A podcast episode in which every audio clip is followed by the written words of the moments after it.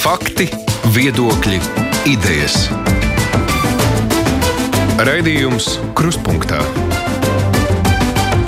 ar izpratni par būtisko. Skan Latvijas radio studijā Arnis Krause. Pašvaldību vēlēšanas nedaudz pieklusināja pagājušās nedēļas skaļos notikumus Latvijas politikā. Pamatīgs pārmaiņas Krišāņa Kariņa valdības komandā no tās izvadīti KPVLV ministri un arī Ilga Šuplinska ar lielu rūkumu atstājusi izglītības ministras krēslu. Darbi jau sākuši jaunie ministri, un dažs labs pat ticis pie pirmā Twitter skandāla, nesagaidot savu pirmo oficiālo darba dienu. Te runa, protams, par labklājības ministru Gatu Eglīti, par pārmaiņām valdībā un kāda būs Latvijas politika līdz nākamajām saimnes vēlēšanām. Šodien diskusija raidījumā Kruspunktā. Uz sarunu esam aicinājuši ļaudis, kas cītīgi sako politikas norisēm Latvijas Universitātes profesors Ojārs Skudra. Sveicināti! Labdien! Vidzemes augstskolas rektors Gats Krūmiņš. Labdien! Labdien! Domnīcas provinces direktora un vadošā pētniece Iveta Kažoks. Sveiki, Iveta! Labdien! Un VA Communications valdes priekšsēdētājs Ralfs Vīlants. Sveicināti! Sveicināti! Nu, nedēļu pirms pārmaiņām premjerministrs Kariņš sabiedrībai teica, ka izmaiņas valdībā ir iespējamas, taču pārbīdes notiks tikai pēc pašvaldību vēlēšanām. Tagad mēs zinām, ka četri koalīcijas spēki jau ilgāku laiku slepeni esot sprieduši, kā atbrīvoties no KPVLV, un visas izmaiņas notika zibenīgi vēlēšanas nesagaidot. Mēs, protams, nevienā šajās slepenajās politiķu sarunās neesam piedalījušies un klāt bijuši, bet uh, vai jums ir nojauta par ko tur tika runāts un kādēļ notikumi izvērtās šādi, kādēļ pārmaiņas notika vēl nesagaidot pašvaldību vēlēšanas. Skudrs kungs, ar jums sākšu. Uh, nu, vispirms es gribētu teikt tā, ka politikā ir publiskā un nepubliskā daļa, tāpēc ne par kādu slepenību īpašu te runāt uh, nav pamata. Uh, tas pieder pie nepubliskās daļas. Kas attiecās uz skaidrojumu, kāpēc tas tā notika un kāpēc nenotika, mm, es domāju, ka nekāda tāda gudra, sarežģīta skaidrojuma tur nav. Tas ir situatīvs lēmums, no nu, acīm redzot, par cik jaunā vienotība pūles saturēt koalīciju, cik no stabila var. Uh, un premjers arī mēģina to darīt. Es pieņemu, ka pārējās trīs partijas bija ieinteresētas veikt šīs pārmaiņas mm, pirms pašvaldību vēlēšanām. Mm, Krūmiņkungs. Jā, nu es domāju, ka nu, šajā gadījumā, nu, kas šeit notika, mēs redzam, kas tad ir šīs prioritātes. Ja tā varam teikt, tad nu, es domāju, tā galvenā prioritāte tā ir cīņa par varu.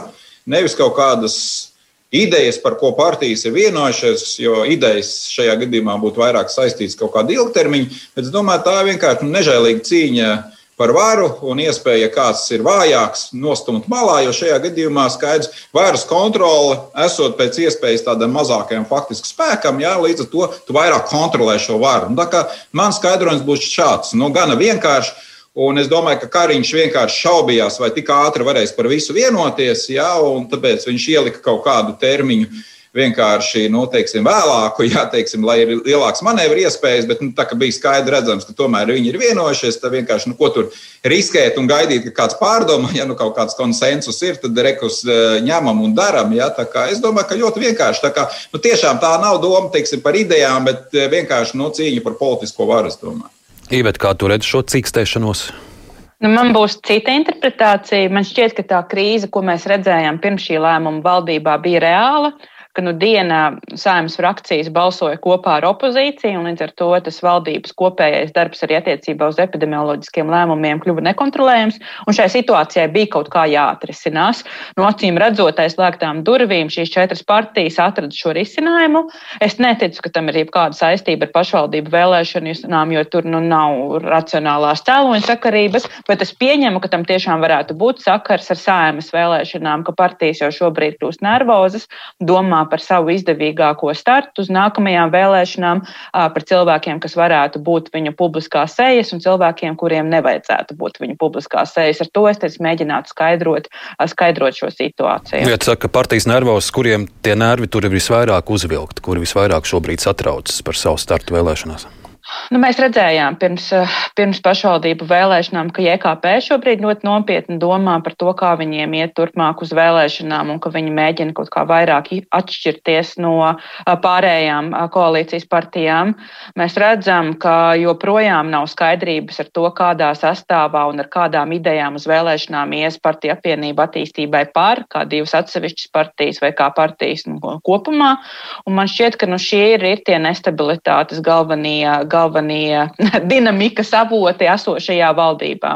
Primāri JKP, bet no nu arī attīstībai par tās dažādās tendences, domājot par nākamajām vēlēšanām, samērot nav nemaz tik vienkārši. Un lūkšu arī Ralfa Vīlanda analīzi par notikušo. Es laikam piekritīšu tam, ka mm, partijas domā par savu nākotni nākamajās saimnes vēlēšanās un ne visām tie reitingi ir spīdoši, un varbūt arī tā bagāža, kas ir iekrāta pozitīvā un negatīvā, šo stresu rada. Ir nedaudz atšķirīgs viedoklis par to, kā jārisina epidemioloģiskā un ekonomiskā nu, problemātika jautājuma Latvijā. Un šī dinamika ir attīstījusies pietiekami tālu, vai mums jās, jāsako līdz ekspertu viedoklim par epidemioloģiskiem rādītājiem, vai jāvar vaļā uh, ekonomika un tā negatīvā dinamika bija attīstījusies pietiekami tālu. Un savukārt KPV vai to atlieku jautājums, kas turpināja eksistēt, bija tas, ka šī partija, neskatoties uz savu katastrofālo iekšējo vājumu un ilgstošo pusabrukšanas periodu, ļoti ilgi atradās koalīcijā. Pēc būtības viņai tur atrasties nevajadzēja, jo viņi bija tik vāji, ka viņi jau vairs nemācīja sevi nu, aizstāvēt. Un tāpēc arī tas, ka pārējās partijas varbūt nu, padarīja viņu par rituālo upuri šajā situācijā, ir tikai ir iznākums. Vai tas ilgtermiņā atrisinās situāciju? Es domāju, ka nē, jo tā negatīvā attiecība dinamika jau saglabāsies. Jā, nu tad ar KPV LV arī turpināsim, cik pamatot jūsuprāt bija no viņiem atbrīvoties. Jā, viņi bija kļuvuši par mazāko frakciju parlamentā, bet ar vien atbalstīja valdību un, piemēram, ne jau KPV LV ministri bija vainojami pie vakcīnu iepirkuma haosa vai pie tā haosa, kas bija uh, sākumā saistībā ar visām covid uh, kompensācijām iedzīvotājiem un uzņēmumiem, kur, kur liela kritika bija finanšu ministrijai un finanšu ministram. Cik pamatot bija viņus izmest? Gatim Krūmiņam veicāšu. Jā, nu, es domāju, ka nu, es atgriežos pie tā, ka domāju, ka tās vairāk bija tāds pragmatisms, vienkārši tikt vaļā no viņiem. Viņiem ir vājums ja, šajā gadījumā, un ka var, var koncentrēt nu, mazāku dalībnieku lokā. Ja, jo es domāju, ka dažās nozarēs teiksim, tiks kaut kāda nestabilitāte palielināta. Es domāju, iekšlietu ministrijas sektorā tur daži tādi pietiekoši nopietni konceptuāli uzstādījumi, jā, nu kaut vai, vai policijas akadēmija, jā vai nē, tad nu, Golubēv ļoti skaidri jā, pasaka, un tur es pat arī konceptuāli piekrīstu, jā, kad, kad varbūt ka nevajag vēl, vēl vienu jā, teiksim, izglītības iestādi īpaši, ja mēs runājam kopumā, ka visu laiku sakam, ka ir pa daudz un mēs vēl kādu taisam. Tā kā es domāju, ka šajā gadījumā. Nu, Es, es, no tādas uh, kopējās stabilitātes, es domāju, ka drīzāk tiešām bija spiediens no šiem partneriem, un premjeram bija kaut kādas bažas par to, ka kāds no šiem var tiešām, nu, tiek, kas jau tika pieminēts, šie saimas balsojumi, jā, nu, ka ir kaut kādas bažas jā, par valdības kopējo stabilitāti, jā, un ka var, piemēram, vispār būtu kaut kāds uzticības, neusticības balsojums. Tad es domāju, nu, ka šis bija tāds nospiediens, un viņas tiešām kā, kā no vājākiem viņiem atbrīvojās. Nu, tur, tur, es domāju, ka tas tādā ziņā ir stipri vien vienkārši un pragmatiski. Bet vai saimnes balsojumi ar to mainīsies, par to es stipri šaubos, jo situācijā kopumā nav mainījusies un neapmierinātība. Ja mēs paskatāmies JKP reitingus, nu es, ne, es šaubos, ka no šī, no viena ministra nomaiņas, ko viņi tagad domā, ka to tagad kops reitingi būs gaisā, es ļoti šaubos. Iveta. Um, nu, KPVLV kā partija jau bija sabrukusi diezgan sen, uh, bet vienlaikus uh, lēmums tā vienkārši dienas laikā izsviest abus ministrus man bija nedaudz negaidīts, jo tas ir tomēr diezgan riskants gājiens no premjera puses un arī no koalīcijas puses, jo tomēr uh, šie ministri un nu, vēl daži ar KPVLV saistītie cilvēki pilda tādu kā zināmu balsta funkciju valdībai. Protams, ka tās KPVLV atšķēlušās daļas ir dažādas, arī tādas, kuras stipri opozīcijā esošajai valdībai, bet tie divi pārējie grupējumi, tas piecinieks, kas tikko tika izsviest no valdības un vēl Zakatistava grupa, tomēr var tikt izmantota gadījumos, kad, teiksim, koalīcijas partijām ir pretenzijas vienām pret otru, kas neizbēgami sāsināsies tuvojoties vēlēšanām. Un tagad nu, tās manevra iespējas valdībai ir samazinājušās. Un, tāpat tās um, vēl viens riska moments šai valdībai ir pieņēmums, ka šie pieci cilvēki, kas ir tikuši izsviesti no valdības, um, nevarēs pievienoties kaut kur opozīcijā, spēcinot opozīciju ārpus parlamenta politiskos spēkus un šādā veidā nu, iedragājot, iedragājot um, turpmākās iespējas valdī, valdības koalīcijai. Tā kā arī mans, mana interpretācija ir, ka šeit nav runa par darba kvalitāti, šeit ir runa par kaut kādiem aprēķiniem, kuru loģiku es līdz galam, godīgi sakot, nesaprotu. Skudrs kungs, kādus aprēķinus jūs redzat? Uh, ļoti pragmatiskus. Tā tad bija jāatbrīvojās no KPVLV. Es neesmu izanalizējis visas vēlēšana apgabalus, bet par vidzemes varu teikt tā, ka KPVLV kandidēja sešos novados, un nevienā no šiem novadiem neieguva 2% balsu, nerunājot nemaz par mandātiem. Nu, tā tad tas vēlreiz pierāda to, ka viņi ir lieki. Pie reizes, lai būtu saka, precīzāk, piebildīšu, kustība par ieguva trīs, sešus mandātus, trīs no tiem kā kustība par, un vēl trīs vēlēšanu koalīcijā startējot ar, ar kopīgu sarakstu, ar jauno vienotību un ar progresīvajiem. Vislabāk nostartēja Latvijas attīstībai. Uh, un uh, nemaz nerunājot par jauno vienotību un nacionālo apvienību. Nu, līdz ar to uh, šeit, manuprāt, viss ir loģiski. Gan, gan tās izmaiņas valdībā, gan arī tagad vērtējot situāciju, kas notiks tālāk. Ralf, un jūs jau minējāt, ka tas ir loģiski, ka no KPV atvadījās valdība. No nu jā, jo visdrīzāk tas iemesls jau arī nav tas, ka koalīcija iekšēji novērtē tikai uh, ministru savstarpējo darbu kvalitāti un, un atbrīvojās no tiem, kas varbūt šai kvalitātei neatbilst. Tā, protams, arī dara, bet tā nav vienmēr tā loģika, pēc kuras vadās. Šajā gadījumā uh, gadu un mazliet vairāk pirms nākamajām saimnes vēlēšanām faktiski atbrīvojās no tās organizācijas, kur vienkārši vairs sevi nemāk aizstāvēt, kurai nav vēlētāju atbalsts un kura zināmā mērā ir tieši tiešām tik ilgi par spīti, nu, pār, nu, zināmā mērā ir pārsteigums, ka ir tik ilgi atradusies koalīcijā.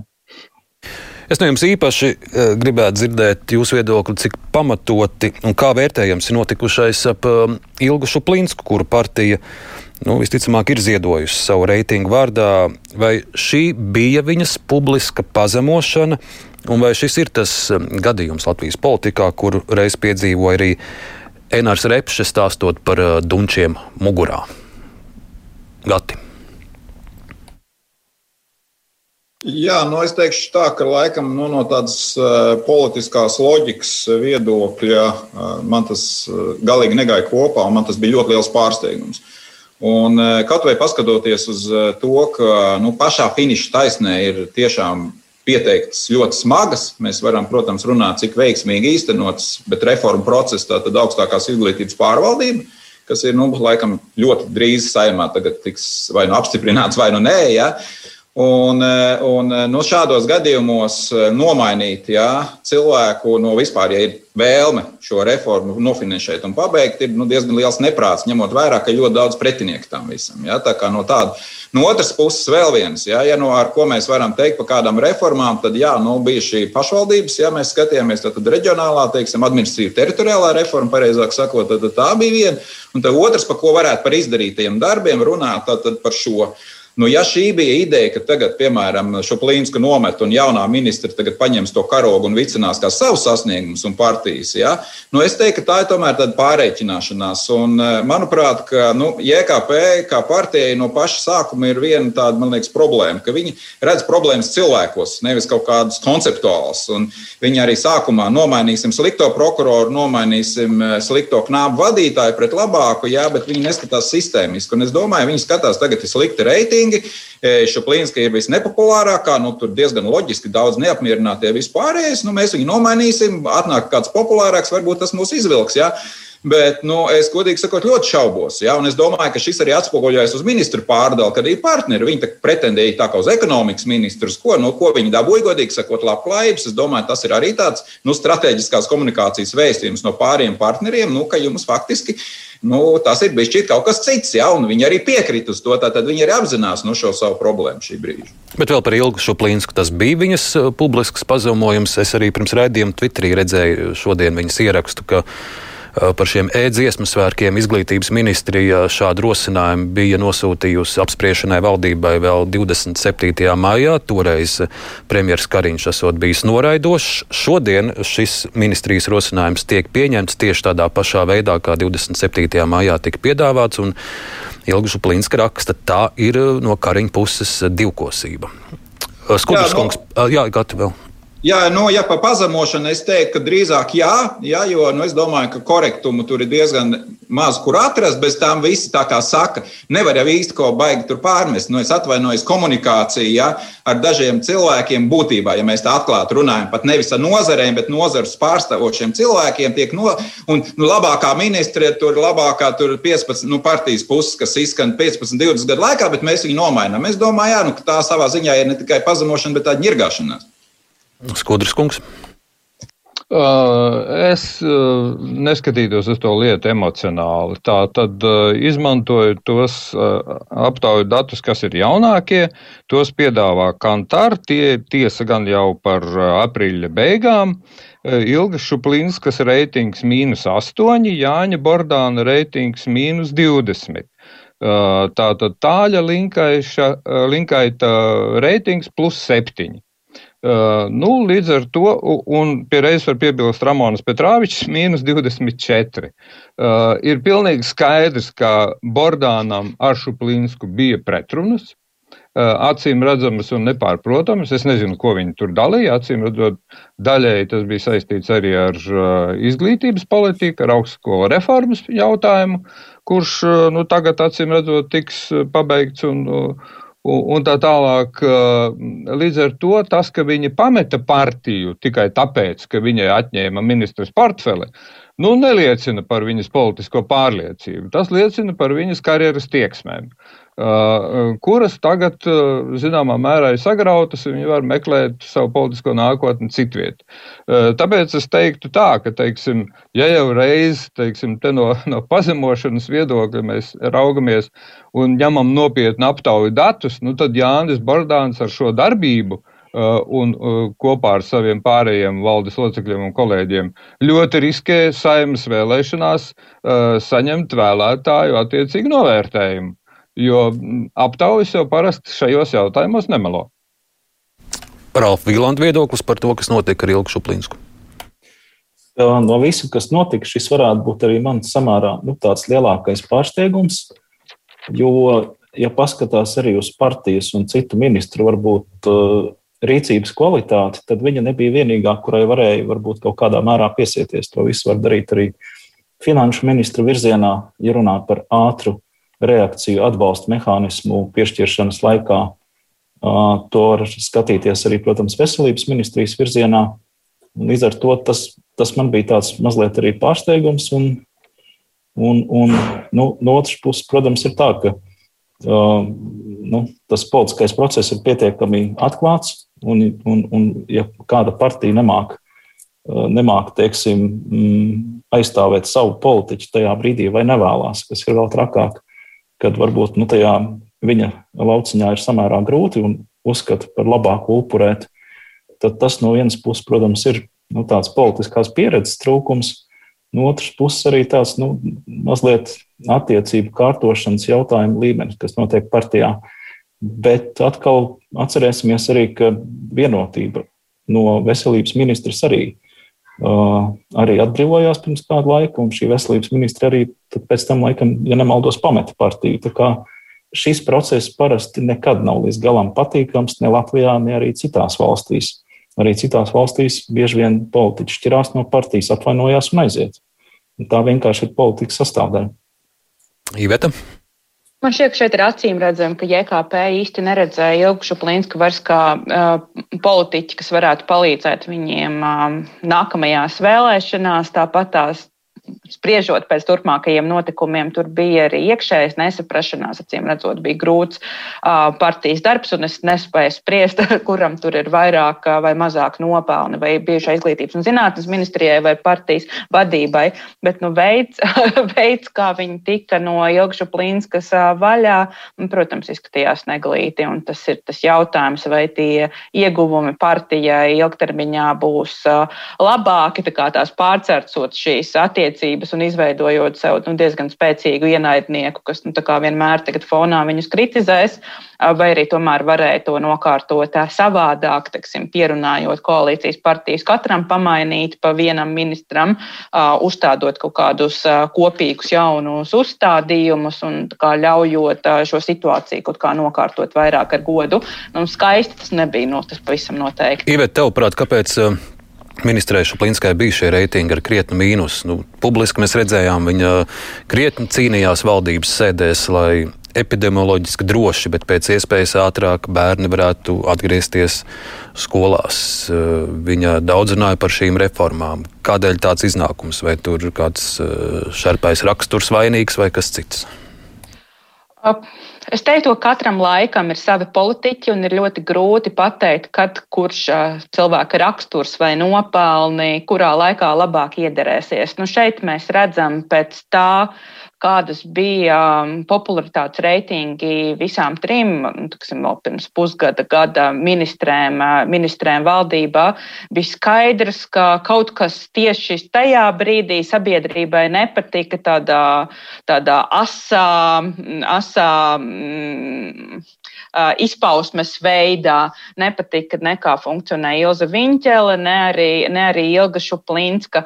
Un man ir ļoti grūti pateikt tos iemeslus, kāpēc, jo varbūt kaut kādos citos laika posmos tieši pieprasījums pēc šāda veida politikas varētu būt lielāks. Nu, šobrīd mēs redzējām, ka nu, nu, tas starpa stils, tas izturēšanās stils tieši šim laikam nedara to rādītie popularitātes rādītāji. Bet, Tibet, ja palūkojas, piemēram, uz Ramonu Petrāviču, nu viņai gluži cits stils. Viņa daudz mazāk redzama balss klusinātāka un mierīgāka, bet viņai mīnus ir vēl lielīgā, lielāka nekā aktīvajām šīm ministrēm.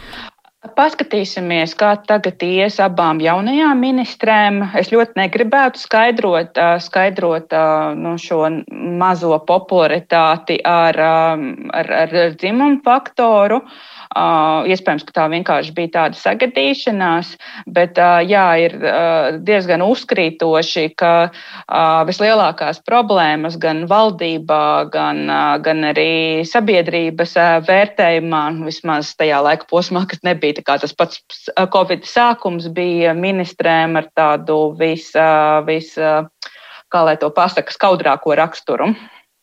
Nu, ja mēs sākam par raksturiem un vērtējam politiķus, eh, premjerministrs Kariņš ir zināms ar savu tādu mierīgu, nosvērtu raksturu un cenšanos eh, neiet uz asumiem, vismaz publiski.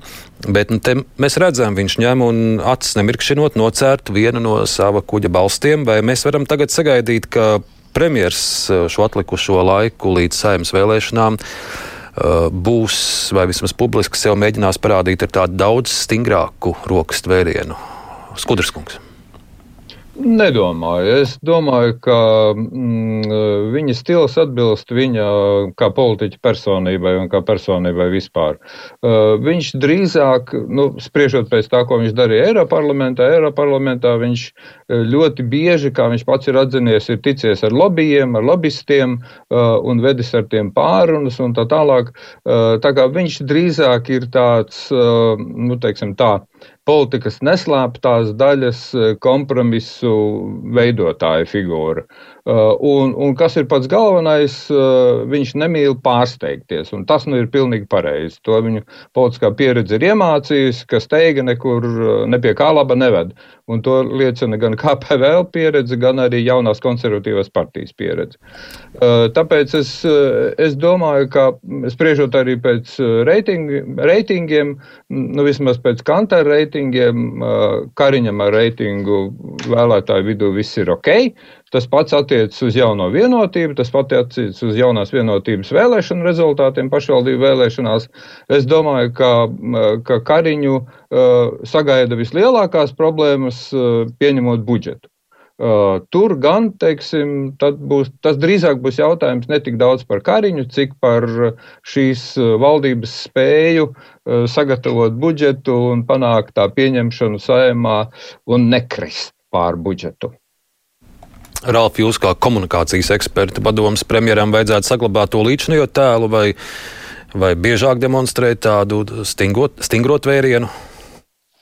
Uh, man šķiet, ka Kariņš jau zināmā mērā ir citāda tipa politiķis nekā Latvijā mēs esam paraduši vērot. Neskatoties arī uz tādu mierīgo raksturu, viņš pēc būtības ir stipri vien atklātāks runājot par politikas virtuvi nekā ir bijis jebkurš premjeras pirms tam. Un sabiedrība kaut kādā mērā to novērtē. Un tā atklātība viņam palīdz arī tikt galā ar nu, intrigām, kas kaut kādā brīdī varbūt no dažu partiju puses pret viņu tiek vērstas. Jo tajā brīdī, kad viņš šīs intrigas ir nosaucis vārdā un nu, atmaskojas, tad viņas arī kļūst mazāk bīstamas, jo tad arī viņas ir publiski redzamas. Un šī varbūt no Amerikas nākusī tāda atklātāka komunikācija par to, kas notiek desu cehā, ir tā, kas nu, lielā mērā arī vēlētājiem izskatās ir simpatizējusi. Un, un tas savukārt tā pasniegšanas forma var būt arī mierīga. Tam nav obligāti jābūt asā formā.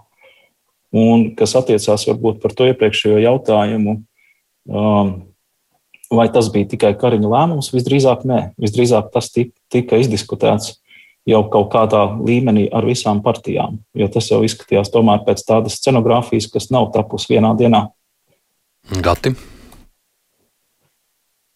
Jā, nu, es arī es piekrītu. Viena lieta, ko būtu, ja, ja man prasītu, kāds ir mans padoms, tad nevajag sevi laust un savu raksturu. Ja? Un tad arī nu, līdz ar to viņam radikāli mainīt kaut kādas pieejas. Ja? Nu, pāris reizes mēs varējām redzēt, ka viņš mēģināja tā kā tādu citu veidu to vadītāju. Nu, tā bija, es atceros, kā vienreiz viņš tur strostēja to vakcinācijas biroju vadītāju un tā kā tā tēvišķīgi mācīja. Tur bija tas, tas teikums viņam, es negribu būt dusmīgs, bet man būs jābūt dusmīgam. Ap, nu, nu, aptuveni kaut kas tāds bija. Jā, jā nu, nu, nu, tieši tā. Un, un tas izklausās, nu, tad viņš jūt, ka viņš nav īsti savā lomā. Un es domāju, ka nu, tā, tas, kā viņš tās lietas tiešām kārto, un te var piekrist, ka viņš nav tas, ko viņam nevar varbūt No vienas puses, tas šajā gadījumā Covid situācijā izrādījies kā pozitīvs faktors, ka viņš neiet tā baigi e, iekšā tā nu, proaktīvi, tā ļoti jā, kaut kādā. Viņš nogaida, viņš paskatās apmēram, kā tās lietas kārtojās kaut kur. Viņa, viņš neuzspiež kaut kādu savu viedokli vai pārliecību, viņš pastāsta apmēram, kas ir, un tad viņš to lēmumu pieņem. Vai arī, arī nogaida. Mēs redzam, ka tas ir pietiekoši labi strādājis šobrīd. Tiešām, jā, nu, un, Ir jā. kaut kāda brīža, jā, bet, bet, bet es piekrītu arī par to, ka budžets būs pavisam cita situācija, ka mums, es atvainos no Covid balītas naudas tērēšanas ziņā, būs jāmēģina atgriezties pie dzīves realitātes. Mēs esam sabalsojuši iekšā dažādas arī sociālas programmas uz Covid neatbalstoši un savilkt nākamā gada budžetu. Nu, skatīsimies, jā. Nu, tur būs jābūt bešķīt stingrākam, vai viņam izdosies, redzēsim. Nu, mēs esam pārāk daudz plusiņus jau salikuši premjeram Kariņam. Ivēt, lūdzu, arī kādu kritiskāku skatu. Es teiktu, ka valdības pašreizējā rādītāja, uzticēšanās rādītāja ir vienkārši kritiski zemi. Tas nav kaut kas, kas būtu pašsaprotams Covid laikā. Nu, mēs redzam no citām valstīm, ka nu, tie valdības uzticēšanās rādītāji var arī pieaugt līdzīgi kā tas notika pagājušā gada pavasarī. Bet šobrīd tiešām nav labi. Ir sajūta nedaudz kā tāda klusums pirms vētras, un uh, tas vētra droši vien sāks izpausties kā pieprasījumi pēc pārmaiņām. Pieprasījumi pēc pārmaiņām gan no opozīcijas, kas šobrīd varētu būt daudz nepatīkamāka nekā tā ir bijusi iepriekšējos divus ar pus gadus. Mēs redzam, ka pakāpeniski sāk aktivizēties ārpus parlamenta partijas arī ar kaut kādiem jauniem piedāvājumiem pēc pārmaiņām visdažādākajos spektros. Tas, protams, ka padarīs nervozas esošās politiskās partijas valdībā. Un tā problēma Kariņam ir, ka ja viņš iepriekš varēja tiešām atļauties laiku pa laikam uz kādu no tām partijām uzrūkt, un zināt, ka tai partijai īsti nav kur sprukt, jo principā bez tās partijas valdībā var arī iztikt, kā mēs tikko redzējām ar KPVLV, tad tagad viņam tās manevra iespējas ir stipri mazākas bet tā spriedze starp partijām gan attiecībā pret vienotību, kur tiešām var izvērsties diezgan interesants pretīm stāvēšana JKP un jaunā vienotība jaunā budžeta kontekstā, gan arī pretnostatījumi attiecībā uz līniju liberālās vērtības, konservatīvās vērtības, kas noteikti sāsināsies nākot tuvāk vēlēšanām, gan arī nu, tāds masīvs spiediens no tiem jaunajiem pieteikumiem ejot uz vēlēšanām un tām neskaidrībām esošajām koalīcijas partijām, ar ko tad viņas konkrēti eh, kandidēs kopā vēlēšanās un kas no tā izriet attiecībā uz valdību, padara šo kuģi par ļoti, ļoti nestabilu. Tāpēc, eh, tāpēc eh, nu, izskatās, ka nu, valdības esošās partijas ir visas nokārtojušas, bet es teiktu, ka tas ir ļoti mānīgs miers. Un man ir bažas par to, ka varētu sakot arī diezgan pamatīga vētra tieši dēļ tās milzīgās neusticēšanās, kas šobrīd ir attiecībā uz valdības darbu. Par mānīgo mieru un gaidāmo vētru jau tūlīt pat mēs sarunu kruspunktā turpināsim. Klausītājiem un skatītājiem atgādināšu, šodien sarunājamies ar Vidzemes augstskolas rektoru Gatu Krūmiņu, Latvijas universitātes profesoru Ojāru Skudru, Domnīcas providus direktoru un vadošo pētnieci Ivetu Kažoku un VA Communications valdes priekšsēdētāju Ralfu Vīlandu. Jau pēc pavisam īsa brīža mēs turpinām. Raidījums Krustpunktā. Un turpinājumā es jums uh, arī īsi lūgtu izvērtēt uh, jaunos ministrus, kurus partijas izvēlējās un deleģēja. Tātad Gats Eglīts, Marija Golubeva, Anita Mužniec un droši vien ar Gatu Eglīti uh, mums ir jāsāk viņa izvēle un viņa pirmais, pirmā performance, tā varētu teikt, kas notika svētdien. Īsi pēc pašvaldību vēlēšanu beigām, kas tas viss bija ar šo ierakstu Twitterī vai vai Rauls Vīlants, ja būtu uh, Gata Eglīša komunikācijas speciālists, tagad uh, atņemt viņam telefonu vai nomainītu uh, paroli Twitterim vai ko darītu, lai kaut kas tāds neatkārtojas. Kas tas vispār bija ar Gata Eglīti, kas notika? Jā, man ļoti grūti komentēt, tāpēc, es neesmu Gata Eglīša komunikācijas speciālists. Manā skatījumā tā bija samērā grūti saprotama un nepiedodama kļūda. Un Tas ir, protams, tas, ko, ko, ko, ko politikā nevajag darīt. Ir jāpārdomā katrs tvīts, un iespējams, ka varbūt pusi no tvītiem, kas tur galvā nav jāraksta. Bet atkal no otras puses ir tā, ka viņš uzrakstīja faktiski to, kāda ir bijusi um, budžeta un politiskā kultūra Latvijā pēdējos 20 gadus. Viņš vienkārši atklāti uzrakstīja to, kas notiek Latvijā.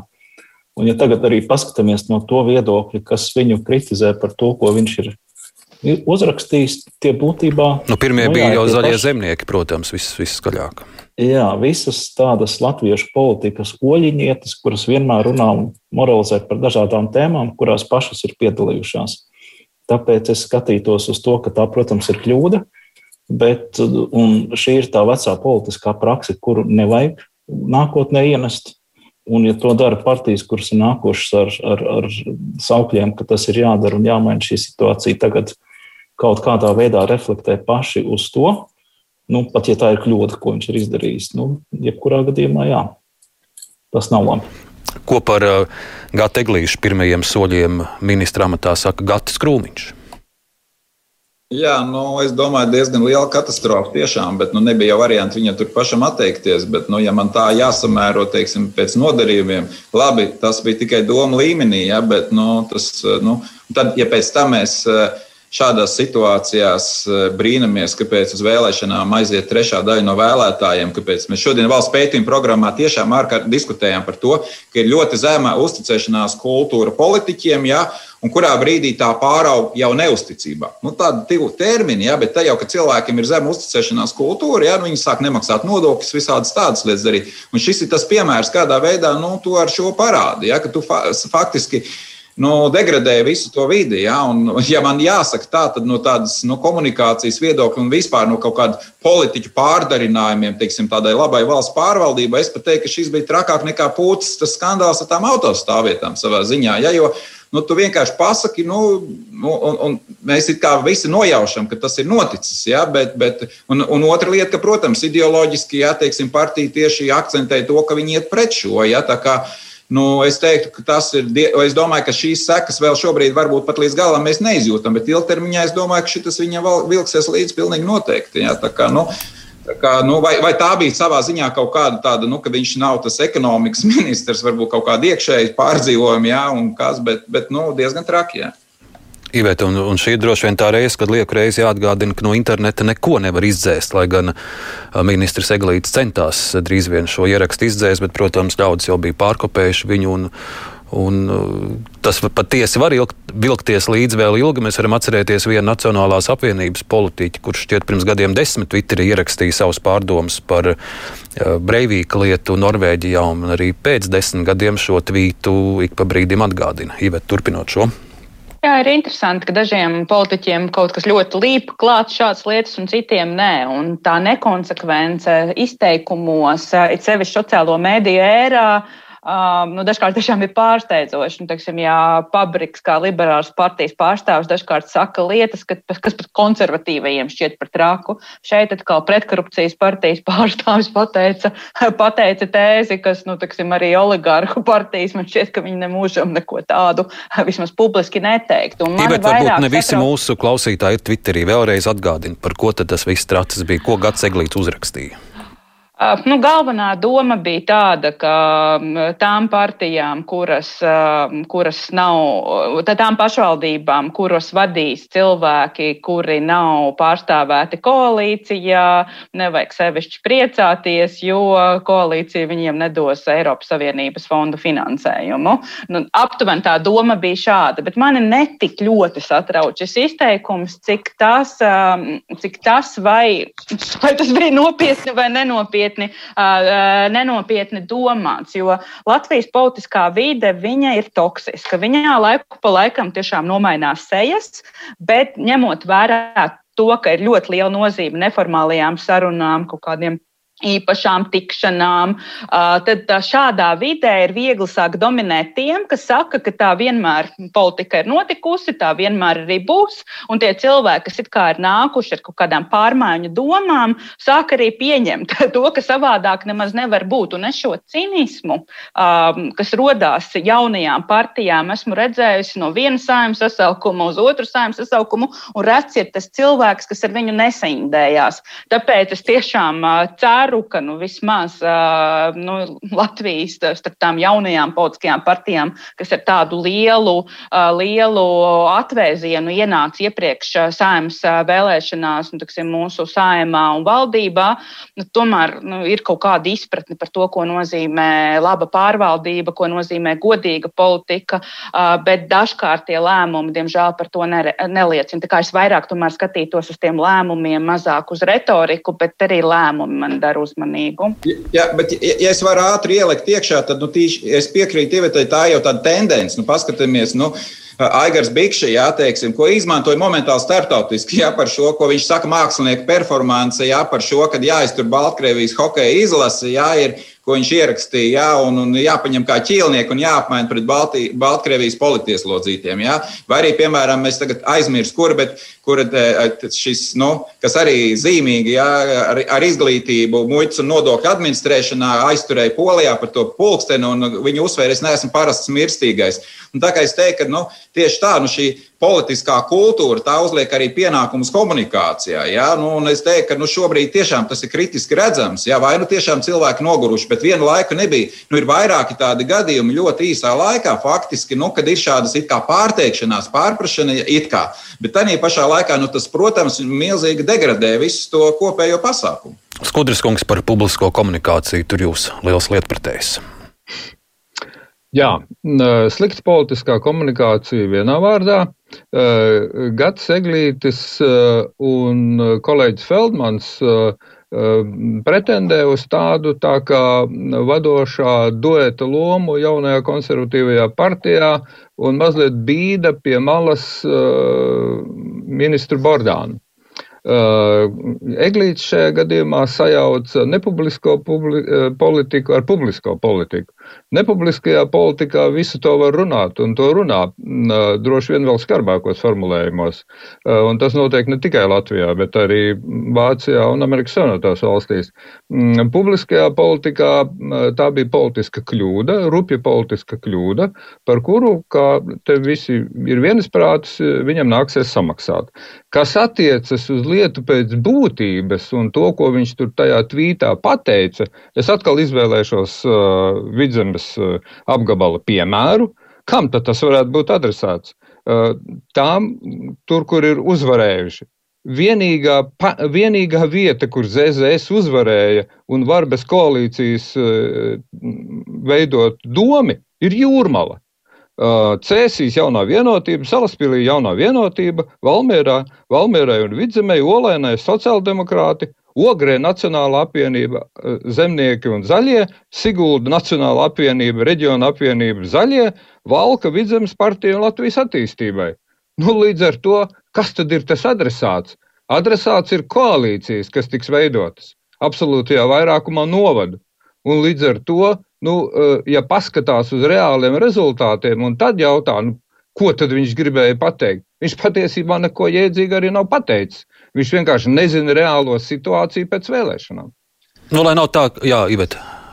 Es, es vienīgi vēlējos uh, pieminēt, ka man uh, šķiet, ka šai koalīcijai, ņemot vērā, ka tiešām līdz nākamajām saimnes vēlēšanām ir palicis maz, ir palicis pusotrs gads, ir jāpārskata ne tik daudz un ne tikai sava publiskā retorika, bet arī tie lēmumi, kas tiek pieņemti, jo tas motīvs, nu, tiksim, vairāk savējiem ieriep tiem, kas nav savējiem, nu, viņš valkās cauri vairākiem principiāliem lēmumiem attiecībā uz partiju finanšu sadalījumu. Tur tas galvenais nosacījums bija nevis tik tik daudz, cik kā, valsts kā, demokrātiska attīstība ir svarīga, bet kā vairāk dabūt pašiem un mazāk iedot opozīcijai vai ārpus parlamentu partijām. Attiecībā uz Eiropas Savienības fondu programmēšanu, tiem jauniem atjaunošanas fondam, man ir daudz komentāru par to, kādā veidā partija savstarpēji vienojās tieši kādām, kādiem jautājumiem šo finansējumu novirzīt un kādiem nenovirzīt. Vakcīnu jautājums par to, ka no atšķirībā nu, no ļoti daudzām, gandrīz visām Eiropas valstīm, nu, mēs netik ļoti prioritizējām tos cilvēkus, kuriem īpaši tās vakcīnas ir vajadzīgas, kas ir seniori, ielikām kaut kādu kategoriju ar valsts kā, turpinātību, kas ļāva pie vakcīnām tikt nu, tiksim, arī cilvēkiem, nu, kuriem nebija tās liels objektīvas nepieciešamības pēc tās. Un es nedomāju, ka tā ir tā, kā, tā jaunā politika, tie atklātības, iedzīvotāji iesaistes mm. un vienkārši godīgs politikas standarti, par kuriem balsoja balsoja 2018. gadā cilvēki. Nu, Ivet, es tev tādu atkal atvedīšu atpakaļ pie stāsta par jaunajiem ministriem, lai nav tā, ka mēs preparējam tikai Gata Eglītīs, jūs pārdomas arī par vēl diviem jaunpienācējiem, Anita Mužniec un Marija Golubeva. Kādēļ jūs prāt šādas izvēles un vai tie ir tie profesionālākie, kuri, kurus partija varēja atrast un deleģēt šiem amatiem? Ar Alfu sākšu lūdzu. Uh, Man gribētos ticēt, ka Marija Golubeva būs ļoti laba izvēle iekšlietu ministres uh, kā, nu, kandidatūrai, nu ne kandidatūrai, bet iekšlietu ministrijai. Uh, viņa nebūs pirmā sieviete iekšlietu ministre, un, un, un man šķiet, ka tur. Viņa būs tikai otrā. Viņa būs tikai otrā, jā, nu, kas varbūt uh, Austrumēropas valstī nav maz trakākais rādītājs, bet jebkurā gadījumā tas ir ļoti labi. Un tāpēc es ceru un sagaidu, ka viņai arī var veikties labi savā darbā. kas attiecās par jauno iekšļi, izglītības ministru, man ir samērā grūti ko komentēt nezināšanas dēļ. Mm, Gati, varbūt tu kaut ko vairāk zini par jauno ministri, izglītības ministri. Nu, nu, no manas viedokļa man visvairāk interesē tas, kā viņai izdosies izdarīt labāk to, kas tika pārmests, pārmests Ilgai Šaplinskai. Nu, tātad šī komunikācija ar nozari, jā, nu, tātad, un šīs lietas. Es eh, ļoti ar interesi skatīšos uz to. Es zinu, ka ambīcijas viņai bija. Viņa vienu laiku bija arī parlamentārā sekretāra ministrijā, tā kā ambīcijas viņai bija uz šo. Ja? Nu, skatīsimies, protams, ja? protams, es varu teikt no tās perspektīvas, eh, kas ir, teiksim, šī, nu, ko es vairāk pazīstu savu burbuli, akadēmiski, zinātniskā, tad es jau esmu dzirdējis tādas, nu, re, pēc ilgāka laika maģistrs tagad eh, profesūru pārvaldīs, jā, nu, teiksim tā, nu, teiksim. Bet eh, kas ir visinteresantākais no šīs vispār jauno ministru komplekta, tad, manuprāt, arī tā ir Marija Golubeva, un kā iekšlietu ministre, es domāju, tas būs ļoti interesanti, un nu, viņai būs iespējas parādīt arī šīs savas ambīcijas. Es domāju, gan viņa kā personība, gan ņemot vērā tos izaicinājumus, par ko mēs runājam iekšlietu sistēmā. Tā kā es teiktu, ka tas ir visinteresantākais. Jā, tāds, un es, es arī es piekrītu, ka tā ir tāda ļoti drosmīga izvēle no vienas puses, jā, un es domāju, arī nu, skatīsimies. Šobrīd es uz to skatos no tiem eh, esošajām nomaiņām uz viņu kā tādu nu, visspēcīgāko viennozīmīgu. Skodrs kungs. Tās ir divas ministres uz gadu un tikai. Viss būs atkarīgs no tā, vai startēs vēlēšanās. Nu, Golubovā acīm redzot, pilnīgi noteikti startēs vēlēšanās. Par mužnieci es nezinu, iespējams arī startēs vēlēšanās. Nu, tad vēlēšanas viss parādīs. Kas attiecās uz politisko stilu, tad pagaidām es varu vērtēt tikai pēc, pēc vārdiem. Golubeva ir profesionāla politiskā komunikātore, to es viņu varu tikai apsveikt. Manuprāt, viņa ir kariņa tipa politiķis pēc, pēc stila un pēc runas. Un, un man liekas, viņiem abiem ļoti labi sadarēs.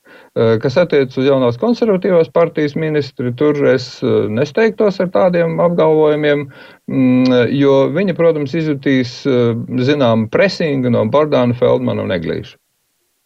Un, Iveta, Iveta, tu, protams, Mariju Golubevu tu pazīsti ļoti labi saistībā ar domnīcas darbu un, un, un citiem projektiem. Kā tu abas ministras vērtē?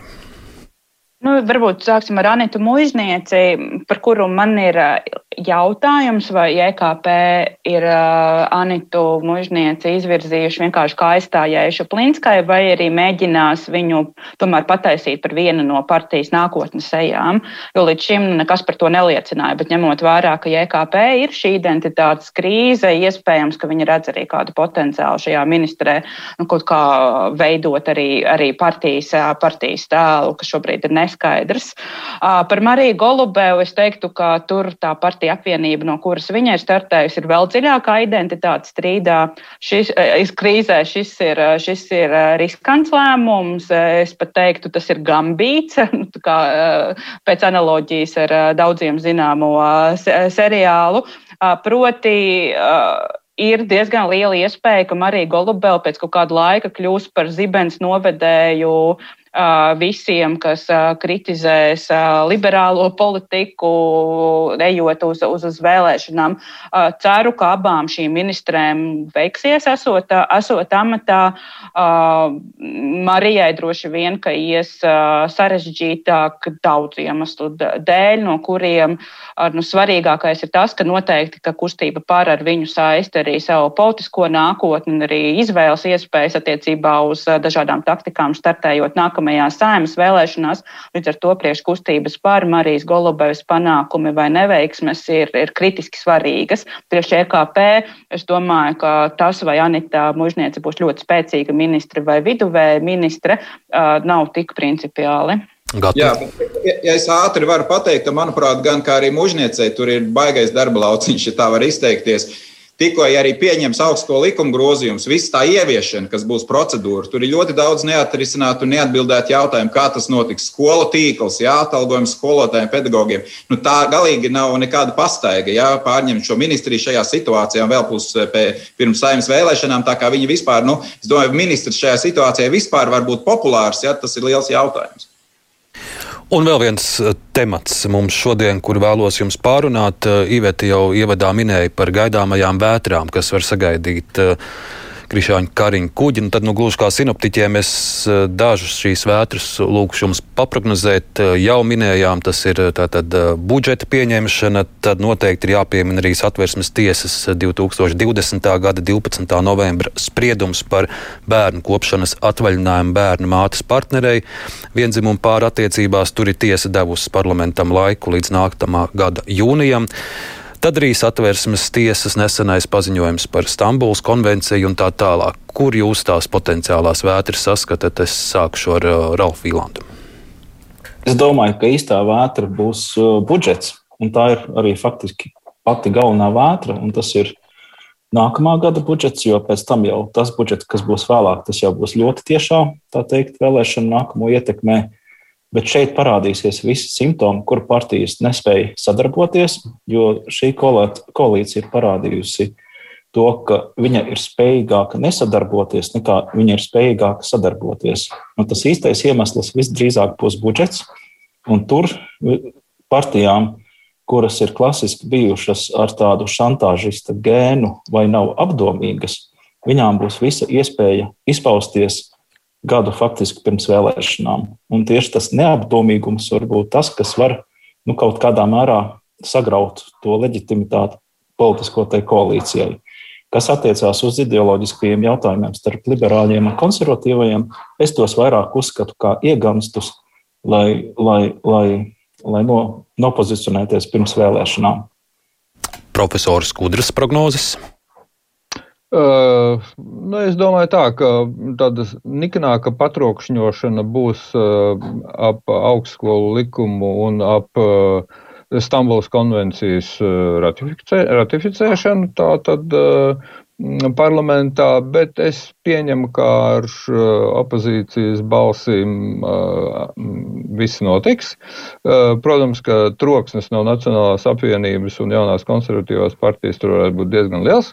Es piekrītu, ka budžets būs izšķirošais punkts, bet nu, es raugos tomēr relatīvi optimistiski, jo, jo manuprāt, Vitsenbergs uh, un, uh, un Reirs uh, ir vairāk vai mazāk pierādījuši spēju sadarboties.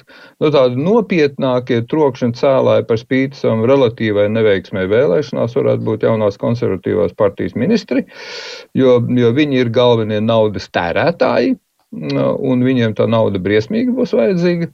Tā kā, mm, bet es raugos optimistiski. Es pieņemu, ka, ka teiksim, publiskajā telpā nonāks kāda daļa strīdu, un, un tad uh, būs jautājums, uh, es, kas, kas vēl obligāti ir jāpiemina. Tagad ir ieskanējies jautājums par nodokļu palielināšanu, par ko jau troksnis ir mēdījos sācies. Uh, bet bez nodokļu palielināšanas droši vien to nākamā gada budžetu būs ļoti problemātiski pieņemt, nepalielinot vēl vairāk deficītu un valsts parādu. Un, un tur, protams, es nedomāju, ka partijas ir gatavas doties valsts parādu palielināšanas un deficīta palielināšanas virzienā, jo tas ļoti negatīvi, kā arī Eirobarometra aptauja liecina, ļoti negatīvi tiek vērtēts no vēlētājiem. Paldies, Skudis kungs, un mums ir pusminūte Gata Krūmiņa un Ivets Kažoks prognozēm. Jā, nu, varu tikai teikt, jā, budžets noteikti atgriešanās pie normālas situācijas. Mēs redzam, kā Reira nokritizēja, ka viņš ņemot vērā kaut kādu iepriekšējo pieredzi, šaubījās par kaut kādām pozīcijām. Jā, tagad, tagad visi ir pieraduši, ka to var darīt. Bet eh, es domāju, ka savukārt es domāju, ka valdība drīzāk ies uz lielāku deficītu, bet lai pildītu šos solījumus. Iveta. Par budžetu viss jau ir pateicis. Vienīgi vēlētos piebilst, ka kontekstā ar to budžetu svarīgs ir arī turpmākais moments, kas vēl valdību vajās diezgan ilgi, proti, gatavošanās un pārgrupēšanās nākamajām vēlēšanām, jo vismaz vienotība Nacionāla apvienība noteikti atcerās iepriekšējās valdības, Kučīnska valdības pieredzi, kad pusgadu pirms vēlēšanām vēl nekas ne, neliecināja par pārmaiņām, un te pēkšņi saimā iebrāzās trīs jaunas politiskas partijas, nospiežot esošās koalīcijas reitingus līdz līdz, līdz zemē un vienotībai gandrīz vai draudēja neievēlēšana.